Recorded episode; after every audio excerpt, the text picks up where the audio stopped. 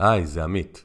אם אתם אוהבים את הפודקאסט, חשוב לי שתכירו את הקורס הדיגיטלי הכי חשוב שיצרתי, שנקרא בונים עתיד מהשקעות. בקורס הכנסתי את כל הידע והניסיון שלי בבניית תיקי השקעות בכל סכום. ידע שצברתי במעל 40 שנות ניסיון בהשקעות שונות. תצאו מהקורס עם כל הידע הפרקטי והמעשי של איך לבנות תיק השקעות הנכון לכם. תבינו יתרונות וחסרונות של כלי ההשקעה השונים, וכמובן שיש בקורס התייחסות גם לשאלה מה עושים עם עודף תזרימי. תבינו איך עושים פיזור השקעות ואיך משתמשים בחוכמה בחוקי הכסף לטובתכם. הסדר שאני עושה לכם בקורס שווה לכם מאות אלפי שקלים במהלך החיים, כי לאחריו ההשקעות שלכם יהיו חכמות יותר ומדויקות יותר. אם הבנתם שרק מעבודה לא מתעשרים, ואתם רוצים להגדיל את ההון המשפחתי ואולי לפרוש לפני הפנסיה, זה הקורס בשבילכם. לפרטים והרשמה אפשר לפנות בדף הבית של האתר 2invest.co.il ולכם המאזינים היקרים שלי, יש הנחה משמעותית עם קוד קופון המילה השקעות. ועכשיו לפרק.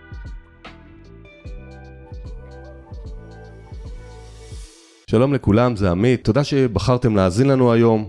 בעידן התחרות של הפודקאסטים זה לא מובן מאליו, אז באמת תודה. היום יהיה לנו פרק על תכנון פיננסי, family office, עולם הביטוחים וההשקעות, אה, מכל מיני זוויות. ורגע לפני שאני מתחיל, אני שוב רוצה להזכיר לכם שאני כותב עכשיו ספר על בסיס הפודקאסט, אני אעשה לו פרויקט Head Start, מה שנקרא, או מימון המונים, הרץ מאמצע חודש מאי, אחרי אה, יום העצמאות. אז אני ממש אשמח אם תצטרפו, תעקבו, ותעזרו לי לדחוף את בשורת הכסף וההשקעות גם בעזרת הפרויקט, גם בעזרת הפודקאסט. והיום איתי ראובן טיטואני, שלום ראובן. שלום, צהריים טובים. אה, ראובן, הוא עבד בתפקידי ניהול בכירים בגופים מוסדיים. לפני כעשור הוא יצא לדרך עצמאית והקים את תלפיות פמילי אופיס, שתחתיה היום פועלים כ-800 מנהלים ב-15 סניפים ברחבי הארץ. אליך ראובן חשוב לי לציין שאני כרגע מייצג את המאזינים, אז חלק מהשאלות אולי הם לא יהיו נעימות במרכאות, אבל זה בא מהמקום שיש המון חשדות וחוסר אמון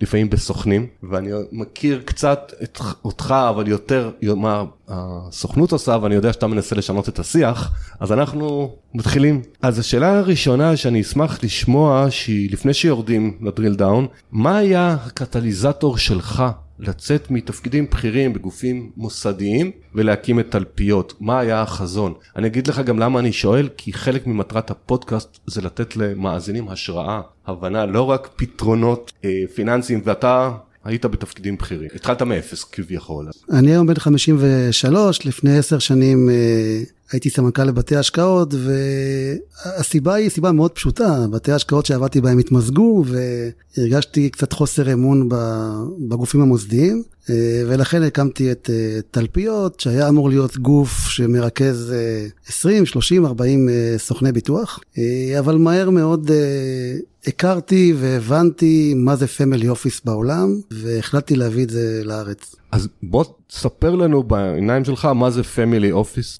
family office זו, זו אמורה להיות ישות או חברה שמטפלת במשפחה בארצות הברית ובשוויץ, זה בדרך כלל בעשירונים, במאיונים העליונים. הטיפול הוא, הוא טיפול אה, הוליסטי בכל הדברים הכלכליים של המשפחה. הוא אמור להיות, הוא צריך להיות עם יושרה אה, מדהימה ועם ראייה של טובת המשפחה בלבד. ברוב פמילי אופיס בישראל הם מקבלים לקוחות עם הון עצמי גדול, כמה מאות אלפי שקלים, יש כאלה ממיליון ומעלה וכולי. אתה פה מנסה לשנות את המודל, את השיח, גם מה שנקרא כל אחד, אולי לא כל אחד, אבל בגדול. אז איך אתה יכול לעשות את זה והם לא, או תסביר לנו בבקשה קצת יותר מה, כן, מה השוני פה. אה, כן, מדובר באמת על משפחות של אה, אה, מיליונים ומעלה, ואני חושב שזה נובע מהיכן שנולדתי. נולדתי ברמלה, משפחה מרוקאית, שבע אחים ואחיות, ואני בראייה שלי, בתפיסה שלי, רוצה להביא את הפמילי אופיס להמונים. כלומר, כן, כל אחד. כי אני חושב שמשפחה ישראלית עושה המון המון טעויות, נחשפת להמון המון כרישים, והיא צריכה מנהל family office שיגן עליה. אז אנחנו עוד מעט נדבר על הטעויות בהמשך השיחה. אז אני רוצה רגע לעבור לשאלה, הצוות שאתה עובד איתך, אני לא יודע אם כולם או חלקם הם מתכננים פיננסים. עכשיו, אני מוטרד כבעל מקצוע שאני גם, אני עושה תכנונים פיננסיים וייעוצים, אבל אני לא משווק ולא מוכר שום מוצר, אני כעמית. ואני רואה בוגרי קורסים שהם אומרים, למדנו, ואנחנו גם עושים אה, חומות סיניות אצלנו בין תכנון לבין השיווק, ובסוף זה חברה של סוכן ביטוח, אולי עם אשתו ואולי שני עובדים, אז אין פה, זה לא איזה קונצרן גדול. איך אה, המתכנן הפיננסי, שהוא גם משווק פנסיוני, איך זה מסתדר? איפה אין, האם אין פה איזושהי התנגשות, ואם יש, אז איך מתגברים עליה? אין ספק שיש פה, אה, יש פה קושי. יש פה בעיה אה, מובנית בתגמול בארץ ובעולם. גם יועץ בבנק מקבל עמלה, גם אה, מנהל פמילי מקבל עמלה. הבעיה היא בעיה מובנית, וזה נובע בעיקר בישראל, מכיוון שהישראלים לא אוהבים לשלם על ייעוץ. ספר לי.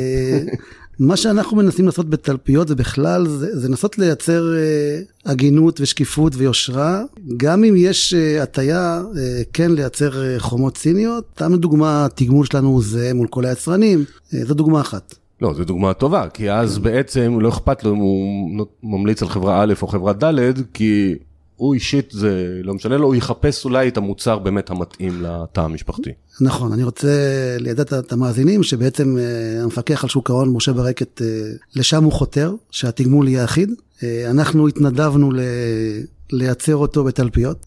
סתם לדוגמה, אנחנו, אנחנו לא נוסעים עם חברות הביטוח לחו"ל, המודל שלנו הוא מודל אחיד מול כל החברות, ובסופו של דבר זה גם, אה, גם עניין של אה, להסתכל ולבחור מי המנהל family office שאיתו אתה רוצה לעבוד, ולבחון אותו, ברור שזה מאוד מאוד קשה לבחון כליות ולב. האם זה אומר שאתם עובדים עם כל היצרנים? כי הרי יש בארץ עשרות בתי אה, השקעות, יש מעט חברות ביטוח יחסית, אבל יש עשרות בתי השקעות, אז אתם עובדים עם כולם, או אותו מתכנן שעובד איתך, יש לו סל שאתם החלטתם שעליהם אתם סומכים? אנחנו עובדים עם 14-15 גופים, שזה בעצם כמעט כולם. כל מי שמייצר פנסיה, קופות גמל, השתלמות, ביטוחים, אנחנו, אנחנו עובדים איתו כמעט עם כולם. כן, הפריסה היא מספקת. הבנתי.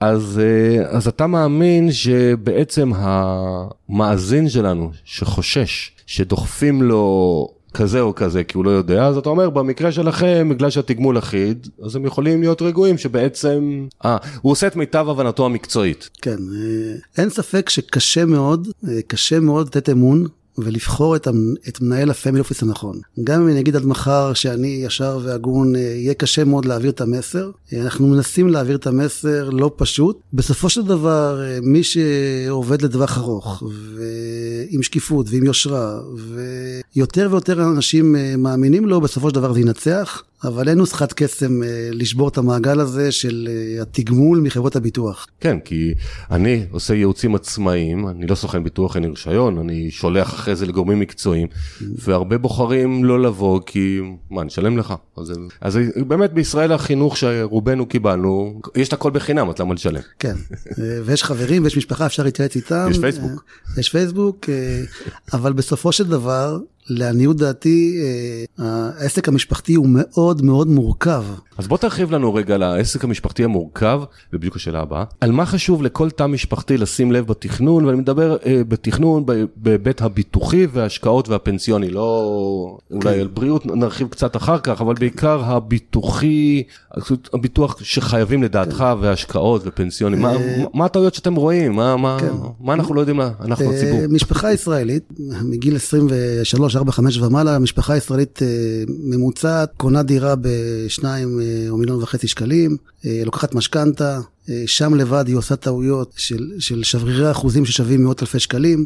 משפחה ישראלית מגיעה לה הטבות מס והחזרי מס, והיא לא מבקשת אפילו ולא דורשת. משפחה ישראלית קונה לה ולבן זוג קרן פנסיה ומשלמת דמי ניהול מופקעים, ו, וזה, וגם קרן השתלמות. משפחות ישראליות, דווקא מהעשירונים הנמוכים, לוקחים הלוואות בריביות של 10%, 10% ו-12%, כשיש להם אה, אפשרות לקבל את זה באחוז וחצי, שתיים, אה, דרך קרן הפנסיה וקופרת ההשתלמות. כלומר, הטעויות פה הן טעויות על טעויות על טעויות, הן שוות מאות אלפי שקלים אם לא יותר, והן נחסכות על ידי איש מקצוע אחד, באמת לא עולה הרבה כסף. מעולה. עד כמה הטכנולוגיה, כי אני יודע שאתם מנסים להכניס גם טכנולוגיה אה, לתלפיות, זאת אומרת כל העולם משתנה, במקרה הייתי גם בכנס פינטקס, כולם מדברים על זה שזה יחדור ויחדור. מה אפשר לעשות היום בעזרת הטכנולוגיה שאי אפשר היה לעשות בעבר, זאת אומרת אנחנו המאזינים, הציבור? מכיוון שהיום אה, אפשר אה, אה, גם להיפגש בזום ולא צריך להגיע פיזית, ומכיוון שהיום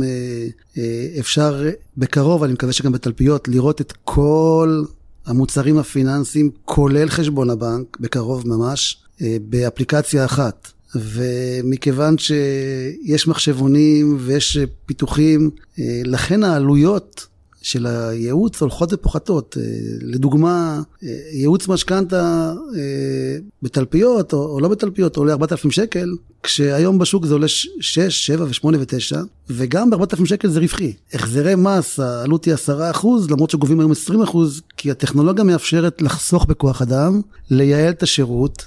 גם הטכנולוגיה מול מס הכנסה ומול הבנקים היא הרבה יותר אפקטיבית, הכל אונליין. זה מקצר תהליכים שמקצרים עלויות. שאלה שאני פעם שאלו אותי, אני לא יודע להסביר אותה, אתה בטח תדע להסביר לי ולמאזינים. יש את המושג הזה מנהל הסדרים פנסיונים, בעיקר בארגונים גדולים. ויש את המשווק הפנסיוני העצמאי שעובד בתלפיות, או שהוא לא עובד בתלפיות, הוא עובד זה.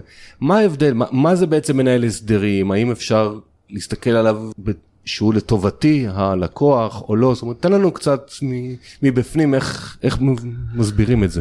כן, אה, מנהל הסדרים פנסיונים זה, זה בסופו של דבר אה, סוכן ביטוח, מערכות יותר גדולות ועם כוח אדם יותר גדול. אה, בסופו של דבר מנהל הסדר פנסיוני מתקשר מול המעסיק, מעניק שירות לעובדים של המעסיק. מה שמשרד האוצר עשה בחוכמתו, הוא, הוא החליט שכל עובד יבחר את המנהל הסדר או את המנהל פמילי אופיס שלו, כי כן, לא כל המעסיקים דאגו לעובדים ולא כל המנהלי ההסדרים דאגו לעובדים, ולכן המדינה החליטה להפיל את התיק על הבן אדם בעצמו. על האזרח בעצמו. שזה לא בטוח שזה טוב. כן, כי גם עשתה את זה מהר מדי. כלומר, לא, אדם לא יודע, אז מה...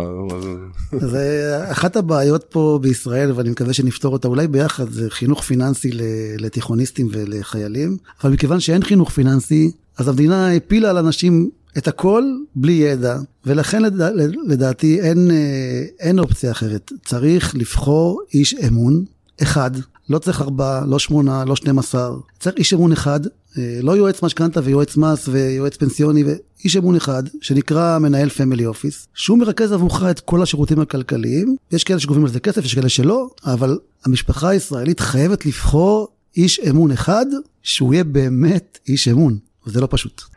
אתם עוסקים גם בביטוח אלמנטרי? כן, אנחנו... לא, אני רוצה, לא, אם כן, אז יש לי שאלה. אני חוזר רגע לדיגיטל. בנושא ביטוחי רכב למשל, יש היום המון המון אפליקציות, אני, אה, מאזינים יקרים, מבחינתי, אנחנו, אני אשתדל לפחות לא להזכיר שום שם של שום דבר, אבל אם בטעות ייפלט לי או לראובן איזשהו שם של חברה, זה לידע לימודי, זה לא המלצה, לא שום דבר, תבחנו את עצמכם.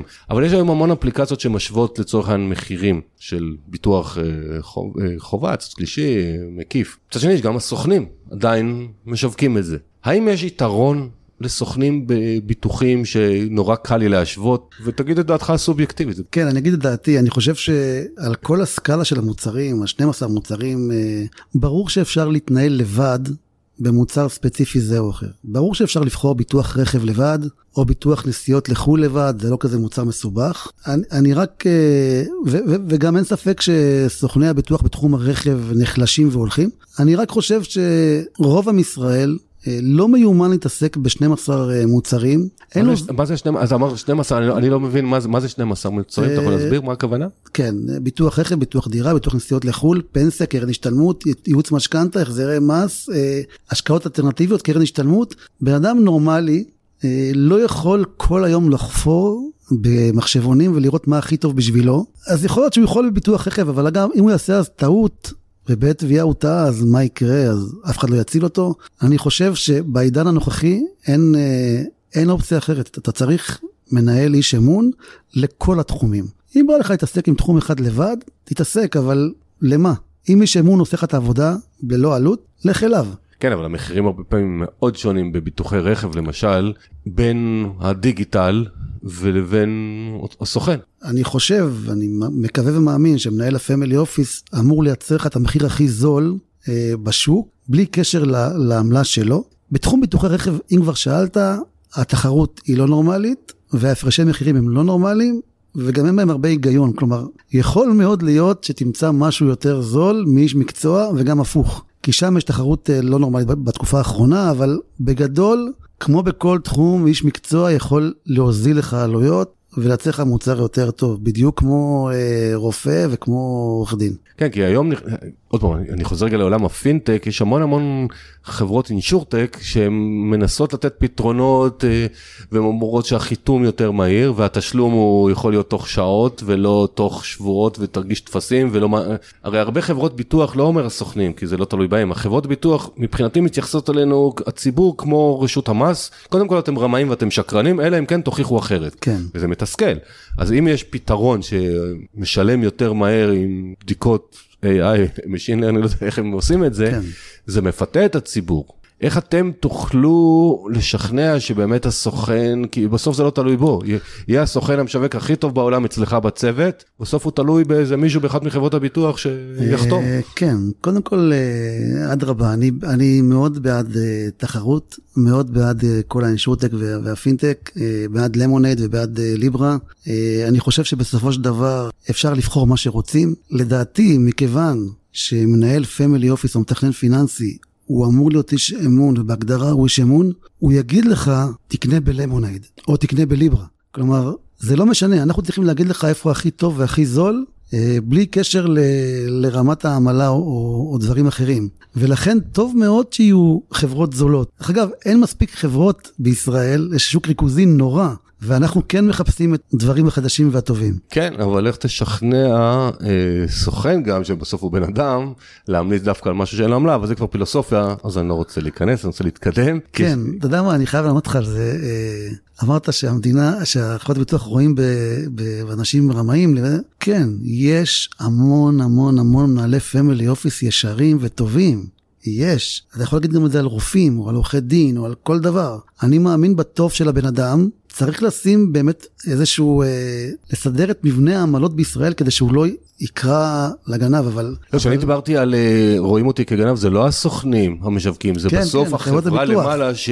ששם חברות אה, בסיס רווח והפסד, והן אומרות, רגע, ככל שנשלם פחות, נרוויח יותר. זה... נכון. ואתה מרגיש את זה כציבור, זה, זה בולט בביטוחי בריאות, בסיעודי, זה בולט בפנסיות, אתה שומע סיפורים, עוד פעם, אני אדם קטן, אני שומע מעט, אתם בטח כחברה שומעים הרבה. עכשיו, לכם עם הכוח, אתם אולי יכולים להשפיע ברמות הגבוהות על, החבר... כן. על מנהלי החברה. חברות, אבל... כן, אנחנו משפיעים המון בתביעות, הציבור... אנחנו משפיעים המון, אבל, אבל אני רוצה להגיד לך ש... ואני מכיר את הענף, אני נמצא בענף 30 שנה. מנהל family office ישר, מתפרנס נהדר, לא נהדר, מצוין.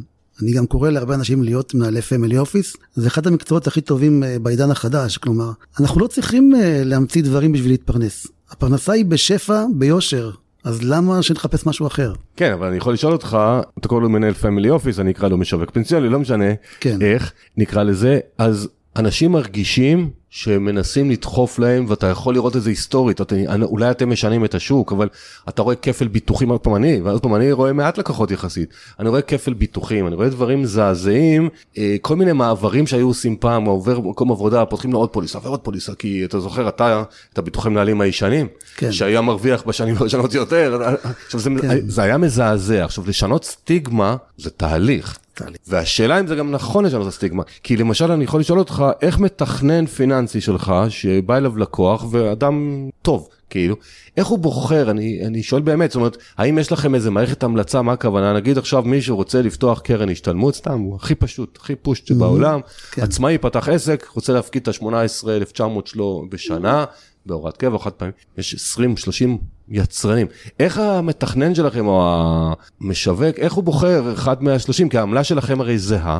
נכון. הביצועים, יש איזושהי שונות, אז השאלה אם יש לכם דירוג, או אתם, כאילו, איך, איך, איך, בוחר, איך ממליצים, בקיצור? כן, אה, זהו, בשביל להיות אה, מנהל פמילי אופיס, זה, זה רובן, רובנו הם אנשים שלמדו כלכלה, הם אנשים שעבדו בשוק ההון, ושנתיים להוציא את הרישיון, זה, זה לא פשוט ולא מובן מאליו. חבל לי כאילו שאבות אכלו בוסטר ושיני בנים תיכנה. אני חושב שהדור החדש הוא דור אחר לגמרי, לגמרי, לגמרי, והוא ממש לא שם. עכשיו, זה מאוד פשוט. אנחנו נכנסים לאתר שנקרא גמלנט, אתר של משרד האוצר, רואים את ה-13 יצרנים, רואים מי טוב יותר, אבל זה לא מספיק, אנחנו גם מכירים את הענף, אנחנו יודעים שאם יש חברה שכרגע טיפה, אנחנו יודעים פחות או יותר איפה כדאי לשים אותך. באמת שאין הבדלים, ואם יש הבדלים הם מינוריים כל כך, אני אגיד לך משהו לדוגמה, בסדר? רוב הכספים בשנים האחרונות של הגמל השתלמות הלכו לחברה שנקראת אלטשולר שחם, תתפלא, זו החברה ששילמה הכי פחות למנהלי פמילי אופיס. איך אפשר להסביר את זה? לא, אני לא יודע, או שהם עשו שיווק טוב לסוכנים ולמשווקים, או שהם עשו שיווק טוב בטלוויזיה, אני לא יודע. באמת, שילמו הכי פחות, הם פשוט היו הכי טובים. אה, בתור ביצועים, אני לא... הם היו עם הביצועים הכי טובים בעשר שנים האחרונות. אז הסוכנים המליצו עליהם, הם גייסו מיליארדים, ובצדק. הנה הוכחה ממש פשוטה למה אנחנו מאוד אובייקטיביים. אז uh, מאזינים יקרים, uh, בדרך כלל אני אומר את זה בהתחלה, שכחתי. אנחנו מקליטים את הפרק בסוף, uh, אמצע, אפריל 2022, יכול להיות שאתם מקשיבים לפרק ב-2025, כי אני יודע שמקשיבים עוד שנים אחורה, אז במקרה בתקופת חיים הזאת, גם של שחם הם הרבה בכותרות, היה להם הרבה משיכות, וכמו שאמרתי מקודם, אנחנו לא ממליצים להשקיע אצלם, ואנחנו לא ממליצים להשקיע אצל מישהו אחר.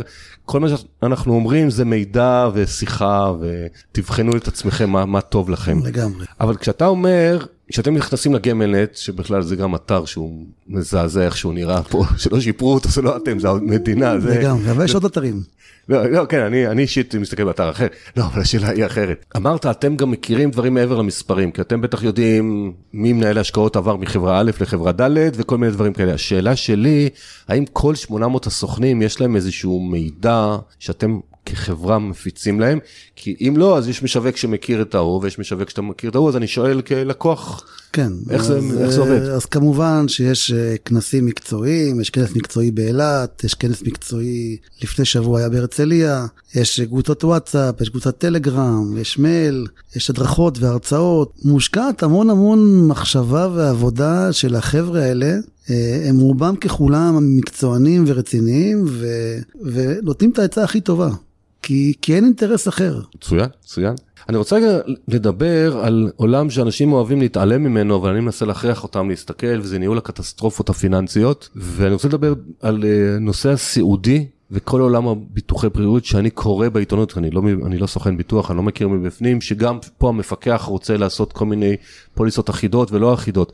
אז השאלה שלי אליך, האם יש היום אפשרות לעשות סיעודי משהו מעבר לקופות החולים? איך מאזין יכול לבחון עכשיו את הביטוחי בריאות שיש לו, איך עושים סדר קצת בנושא הזה? כי מבחינתי זה קטסטרופה פיננסית ואני רוצה שאנשים יערכו. עולם מאוד מאוד מורכב, עולם הבריאות בישראל, עולם מאוד מסובך, מאוד בירוקרטי. ביטוח סיעודי אה, היה ואיננו, אה, לצערנו היום זה רק בקופות החולים. לגבי ביטוחי בריאות, שבוע שעבר הייתה רפורמה, קשה מאוד מאוד להתנהל בעולם הזה בלי איש מקצוע. בגדול צריך לעשות את הקטסטרופות, שזה תרופות, השתלות, ניתוחים בחו"ל, אבל באמת שקשה מאוד להעביר את הידע הזה בשלוש-ארבע דקות, וגם כאן אין ברירה אלא להסתמך על מנהל פמילי אופיס. אני, אני לא רואה אפשרות שבן אדם לא, לבד... השאלה אם אתה יכול בבקשה להסביר, את, אני חשבתי שהשינוי נכנס עוד חצי שנה רק, אבל את השינוי... כן, הוא נכנס בראשון בדצמבר. כן, אבל האם אתה מוכן לשתף את המאזינים, מה בעצם המפקח על הביטוח הכריח את עכשיו את היצרני ביטוחי בריאות לעשות אחרת? כן, המפקח לקח מסלול מוצר בסיסי, שנקרא השתלות, תרופות, ניתוחים בחו"ל, וקבע שאת המוצר הזה הוא יהיה מוצר זהה בכל החברות. הם התחרו רק על המחיר והשירות, וככה הוא מנסה למנוע כפל ביטוחי או, או הבדלים בין, בין חברות. כשמורידים תחרות זה משהו אחר, אבל הוא חושב שזה נכון. כל מקרה, בראשון בדצמבר תהיה פוליסה אחידה, שתעלה, אני מניח, 100-150 שקלים בלבד במקום 400-500, עם הקטסטרופות בלבד. כלומר, אם משפחה רוצה להימנע מקטסטרופות בלבד, היא תשלם 150 שקלים במקום 500, ותבחר את החברה הכי זולה, והכי שירותית, אבל זה לא נגמר בזה תמיד, ויש עוד מוצרים ועוד כיסויים, ומתחיל להסתבך, אבל הכיסוי הבסיסי... אז הוא נתן שלוש חבילות, לא? כאילו הוא הציע שלוש, את הבסיסי, ואז אם רוצים כן. להוסיף רבדים נוספים... כן, הוא הציע מסלול בסיסי, שזה כולם באמת צריכים, בעלות לא גבוהה, ואז הוא, הוא הוסיף... משלים לשב"ן, אם יש לך שב"ן, שירותי בריאות כללי. אה, בלי משלים לשב"ן, שלושה וריאציות שיעלו הרבה יותר כסף וכל אחד יבחר לעצמו. אוקיי, אז מאזינים יקרים, מבחינתי חשוב שפשוט תחליטו מה אתם רוצים להגן על עצמכם, כי סיעודי, שזה אחת הקטסטרופות הקשות ביותר אה, עלולה להיות, פשוט ביטלו את זה, את הביטוח, כמו שראובן אומר, אז תערכו לזה אחרת. אני רוצה לחזור קצת לתכנון הפיננסי למשפחה. כשאתם אה, מתכננים, אתם גם מתעסקים בעולם ההשקעות. נכון. האם זה השקעות רק של השקעות הוניות, מה שנקרא, דרך פוליסות חיסכון, קופות גמל להשקעה, קרנות השתלמות וכאלה, או אתם נכנסים גם לתחומים אחרים כמו נדל"ן, קרנות חוב וכולי וכולי? כן, בשנים האחרונות אה, יש... אה, אופנה, מגמה של השקעות אלטרנטיביות, שזה השקעות באמת בנדל"ן, בחוב, בסוג כזה של השקעות. אני חושב שזה התחיל דווקא מהמוסדיים, שחלק ניכר מהכספים משקיעים בתחום האלטרנטיבי, ואם המוסדיים עושים את זה, אז קל וחומר שאנחנו. בגדול 10-15% מההון המשפחתי צריך להיות מושקע באפיקים אלטרנטיביים שהם לא קורלטיביים לשוק ההון, אז uh, אתה מגן איפשהו על עצמך. גם אצלנו הקמנו מחלקה אלטרנטיבית עם אנשים uh, מדהימים וטובים ואיכותיים עם המון שנים של ניסיון, uh, אבל גם האחרים, uh, כן, עוד תחום מורכב שאנחנו לומדים אותו ומכירים אותו, ו- וכן, היום כמעט לכל משפחה, לא מהעשירון הרביעי או השלישי, אלא יותר מהשמינית שהיא עשירים, מציעים השקעות אלטרנטיביות, שזה אומר השקעות אה, נדל"ן, חוב, חו"ל וכאלה. לגבי החלק הפנסיוני שהזכרת שאתם מטפלים בו, יש תמיד דיונים שלמים, האם אדם, נגיד, נקרא לו צעיר, ואנחנו שנינו נחליט שהצעיר זה נגיד עד גיל, אני אחליט שזה עד 38, סתם מספר. איזה מסלולים לעשות? האם לקחת מסלול כללי? האם לקחת מסלול מניות? האם לשנות, לגוון? שתף אותנו בדעתך, עוד פעם, האישית, וזה לא המלצה ולא כלום, איך אתה רואה את זה כאחד שמבין לעומק את העולם, מה השוק ההון יודע לעשות, מה הפנסיוני, מתי נתחיל להשתמש בו, הרי מגיל 60 רק ואילך. ו... טוב, אז, אז דעתי האישית ב, בלבד, והיא לא ייעוץ, אני בענף שלנו בישראל נחשב בסמן הימני, הרבה מאוד אנשים קוראים לי מיסטר S&P, ואני טוען שעד גיל 40-45 בקרן פנסיה, שהיא מוצר לטווח ארוך מאוד, צריך להסתמך על תעודות סל ודמי ניהול נמוכים. זו דעתי. כמובן שיש גם דעות אחרות שמדברות על ניהול השקעות. אני חושב, וגם אני בעצמי, במרום גילי 53, אני נמצא במסלול של 100% מניות עם S&P. אני חושב, ואני אפילו מכוון לדעת גדולים, וורן באפט, הגדול מכולם, טוען שבטווח הארוך אף אחד לא ינצח תעודת סל פשוטה, אה, ולכן אה, בקרן פנסיה בגילאים אה, צעירים, לדעתי רק 100% מניות ורק S&P או דברים אחרים, יצא לי להשפיע על חברות הביטוח להכניס את המסלולים האלה בשנים האחרונות. מעולה. מעולה. טוב, גם עכשיו, כשביטלו את האג"ח מיועד, גם הכניסו משהו חדש, אבל זה לא ניכנס. אבל יש לי שאלה, מה דעתך על קרנות ברירת המחדל? אני נתקל בלקוחות שמנסים, להפ... סוכני ביטוח כנראה לא עובדים איתך, אני לא יודע, כאילו, הם מספרים לי מה אמרו להם, שזה מסוכן וזה לא כדאי וזה לא מצליח. אני בעיניים שלי, אדם צעיר, שדמי הניהול זה המשחק, אני לא רואה פחד, אבל זה עוד פעם, זה אני, דעה שלי. אשמח לשמוע את דעתך המקצועית, האם קרנות ברירת המחדל הם פתרון טוב, רע, בינוני, למי מתאים, למי לא מתאים? טוב, אה, כבן אדם שאוהב תחרות ונחשב ימני בדעותיו הכלכליות, אה, אני בעד אה, תחרות ובעד ביזור. יש בארץ רק אה, תשע קרנות פנסיה לצערי, חמש חברות ביטוח גדולות, וארבע, בואו נקרא להם נבחרות ולא ברירת מחדל, זה השם הישן. ארבע קרנות נבחרות, שזה אלטשולר, מיטב דש, מור ואינפיניטי. אני חושב כמוך, אני חושב שמה שחשוב בקרן הפנסיה זה המון המסלול השקעה, המון הדמי ניהול. גם הגודל והחוזק של החברה, אבל בעיקר השירות, אני בכלל לא פוסל את, אה, את, את קרנות הפנסיה הנבחרות, הקרן של אלטשולר כבר גדולה, אני לא רואה שום בעיה. ממש לא. כן, גם עד שלא זכו בכמה מכרזים, מור רק עכשיו התחילה, כי כן. היא אפילו לא התחילה לדעתי, היא מתחילה אחרי פסח. אה, אחרי, כן, אינפיניטי התחילו עכשיו, אני לא רואה כן. שום, אה, שום בעיה ב... אני גם חושב שקרנות הפנסיה הגדולות לא רואות בקטנות, יש מקום לכולם וזה שוק כל כך ענק. על תשע קרנות. גדל, מאז שיש כאילו את הפנסיה חובה, הוא כל כך גדל גם כל הזמן. הוא כבר, אה, הוא כבר 600 מיליארד, הוא יותר גדול מהגמל השתלמות, הוא יגיע לטריליון מהר מאוד, הוא יתחלק על תשע חברות, הן אה, מרגישות טוב החברות, זה בסדר, אפשר לחלק את זה לתשע חברות, הכל בסדר. כי זה מעלה עוד המון שאלות, כל עולם הפנסיוני, יש המון הפחדות, לדעתי, בזה שבשנת 2050 ייגמר כסף בביטוח לאומי ואנשים לא יקבלו פנסיה. אני אישית, למשל, סתם הסתכלתי לפני כמה ימים, קיבלתי את הקרן הפנסיה שלי, וראיתי שבאיזון אקטוארי היה לי תוספת של 0.1 אחוז, עשיתי סתם חשבון כמה זה, אז אצלי בקרן הספציפית. זאת אומרת, אני חושב דווקא שהנושא הזה מנוהל נהדר, כאילו, מבחינה רגולטורית. רטורית, אבל זו דעתי, מה דעתך? האם יש באמת חשד שלא, חשש לדעתך שלא יהיה פנסיה, שאנשים מפחדים היום לשים קרנות פנסיה, אומרים אני קונה דירה כי הרי לא נקבל כלום בפנסיה. אה, יש לי ביקורת על החבר'ה באוצר, דווקא בעניין של הקטע הפנסיוני, הם עשו עבודה טובה בשנים האחרונות, הם, אה, הם לקחו מוצר אחד, העצימו אותו, המוצר הוא פשוט, הוא יעיל, הוא נוח למשתמש, קל לתפעל אותו, אה, הוא מאוזן כל הזמן אקטוארית, אני לא רואה בעיה, אני רואה בעיה עם ביטוח לאומי, אבל זה כבר נושא אחר. קרנות הפנסיה, גם לפי כל הדירוגים בחו"ל, ב-OECD, אנחנו, המערכת שלנו היא בת הטובות בעולם, אז דווקא פה אנחנו בסדר. איזה כיף, אז אה, קלטתי דעת גדולים, כי אני באמת אה, מאינטואיציה. אני, ביטוח לאומי זה לדעתי הבעיה היא, או הסוגיה זה פוליטית. כי הרי סך הכל יש שם יתרות מטורפות, פשוט לוקחים אותם למטרות אחרות. האם ביום הדין יחזירו אותם, אם יהיה ממה להחזיר? זה, תשמע, אתה ואני עוד מעט כבר נדע את זה, על, על בשרנו, אנחנו מתקרבים כן, בגיל. כן, כן. אה, בעיקר נשים פורשות בגיל 62, שזה תקלה. לא, עכשיו מה, העלו את זה סוף כל סוף. עכשיו העלו, אבל כן. שעה טובה. נכון. יש, יש בעיה בביטוח לאומי. היום בעולם מתחילים, רואים שהאינפלציה מתחילה לעלות, הריביות בארץ שמועות שגם עוד כמה ימים יעלו, עוד שבועיים, חודש, חודשיים, אין מה לעשות. העולם חוזר לאינפלציה קצת ולריביות עולות. השאלה שאני רוצה לדעת את דעתך, האם כל עולם תחום ההלוואות חברתיות, ה-P2P, שיש כל מיני חברות, יש להם הצדקה בעולם של אה, אינפלציות והכל, כי הרבה פעמים שם יש הלוואות עם ריביות אה, נומינליות, לא צמודות. מה, איך אתה רואה את העולם הזה עכשיו? אנחנו עובדים עם חברות אה, P2P, בלי שמות, אבל... אני חושב שהמנגנון הזה הוא מנגנון מופלא, בעולם הוא מאוד מאוד גדל, גם בארץ. חברות P2P זה, זה בנקים שהחליטו אה, להרוויח פחות. אה, אם המרווח של בנק הוא 8-9 אחוז, אז המרווח של חברת P2P הוא 2-3 אחוז. אז הריביות שלהם היום זה 5-6 אחוז.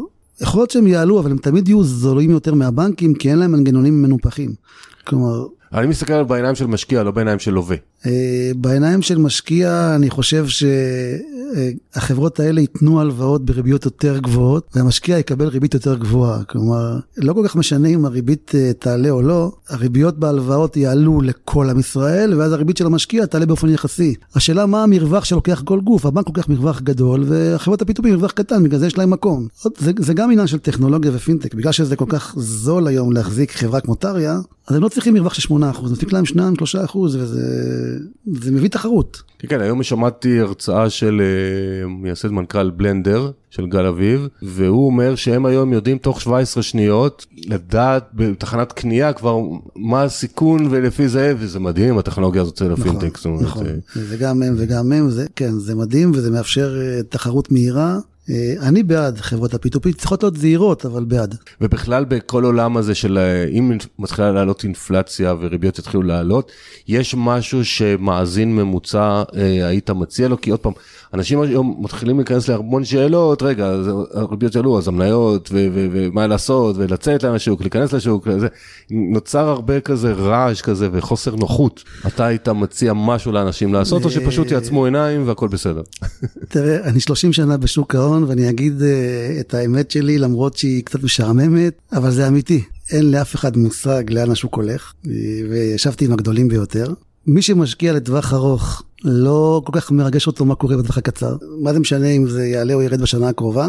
אה, מי שמשקיע לטווח קצר אה, בבעיה גדולה ואין לי בשבילו תשובות. שיזה, שיוציא החוצה אפילו, אני גם אומר כן. לאנשים, אז תצאו החוצה. נכון. לטווח קצר אה, עדיף לי לא להפסיד מאשר לנסות להרוויח נכון. משהו בשוליים. גם הבנקים היום, חלקם, רק שני בנקים שאני יודע, נותנים הלוואות צמודות פריים, לא אפילו לא צמודות לאינפלציה, כאילו טווחים קצרים. אין הרבה פתרונות.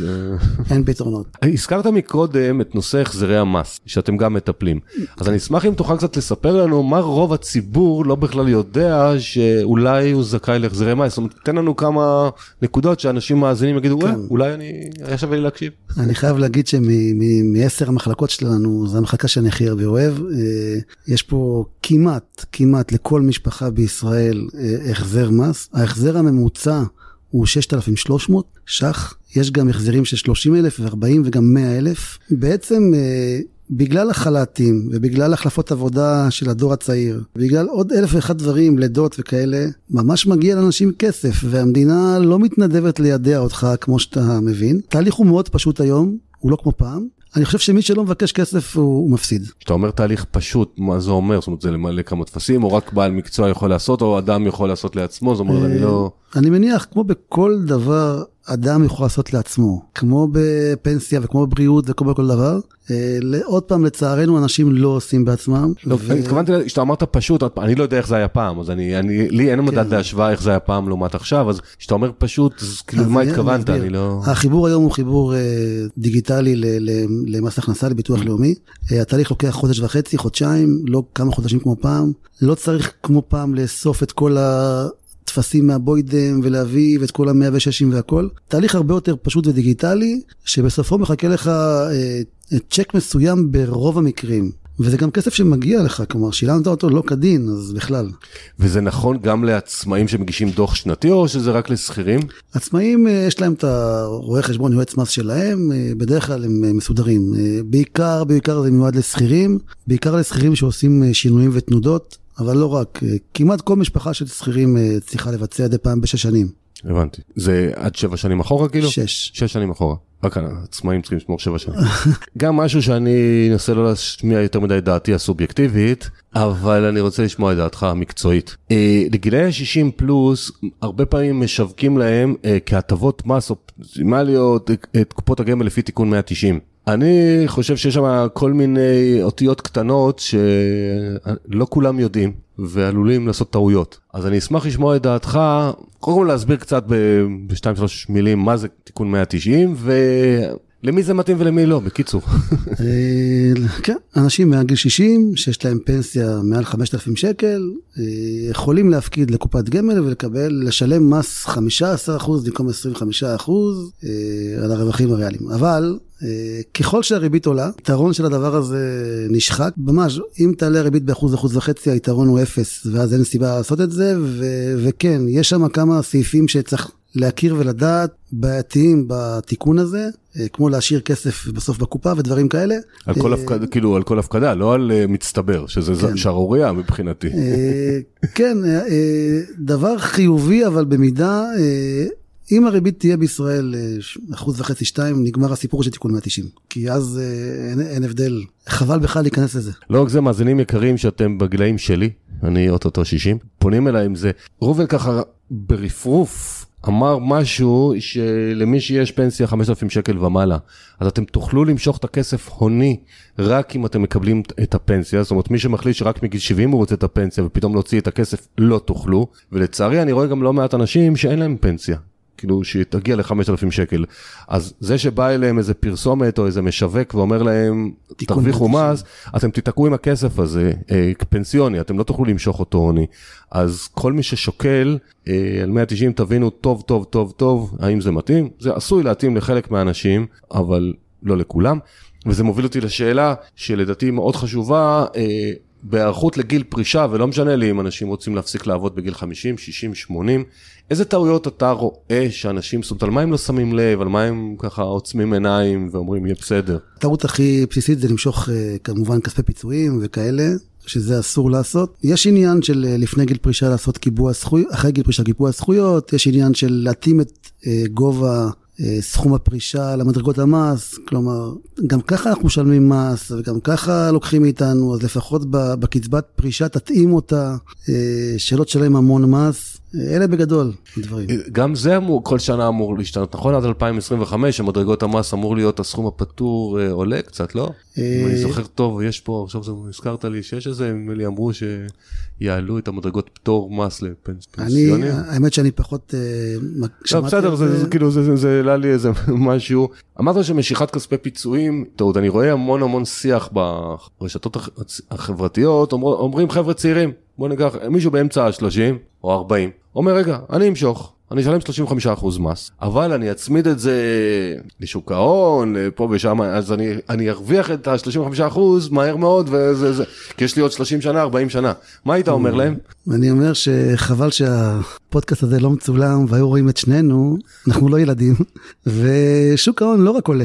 אה, אני רואה דברים אפילו יותר, אה, פחות גרועים, למשוך בכלל זה גרוע, אבל אני רואה אנשים שלוקחים הלוואות. אה, ומתמנפים וחושבים שהתשואות יהיו יותר גבוהות מגובה הריבית, אה, לא. היו שנים רעות ויהיו שנים רעות ויהיו הרבה שנים גם לא טובות ואני לא חושב שאפשר אה, להשקיע כסף ששילמת עליו 35% מס בשוק ההון ולקוות שתהיה 35% תשואה, ממש לא. אני חושב, אני מסתכל על זה גם טיפה שונה, החשש שלי הוא, אני טוען שיש שלוש אה, מדרגות, שלושה סוגי הכנסות בגיל הפרישה, אחד זה ביטוח לאומי, קצבת הזקנה, קצת יותר, קצת פחות, אבל זה סכום השלמתי, הוא לא זה. כן. עולם הפנסיוני ועולם ההשקעות האישיות. היתרון בעולם הפנסיוני, ואתה אמרת שאתה לא חושב שהוא יתמוטט, וגם אני חושב שלא, אולי יראה קצת, אבל מה לעשות, זה שזה לאינסוף.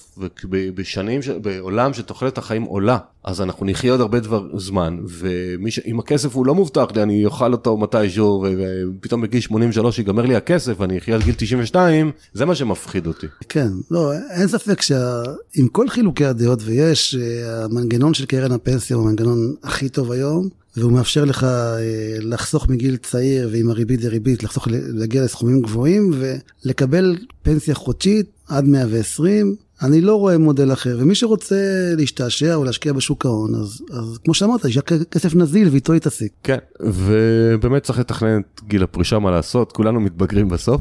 האם יש משהו שאתה מרגיש שלקוחות שמגיעים אליכם לא ידעו שיש, זאת אומרת, בכל העולם ה-family office, האם יש מוצרים או דברים שאנחנו פשוט, אנחנו הציבור לא יודעים, ואתה יכול לספר לנו עליהם, משה? כן, אה, נחלק את זה, יש את הציב- את הציבור המתוחכם שמכיר, אבל, אבל רוב הציבור אה, לא מבין מה ההבדל בין 12% ריבית ל-2% ריבית בהלוואה. רוב הציבור לא מכיר את ההחזרי מס. רוב הציבור לא יודע מה ההבדל בין, במשכנתה, בין אה, צמוד לפריים ובין אה, 2.4% ריבית או ל-1.9.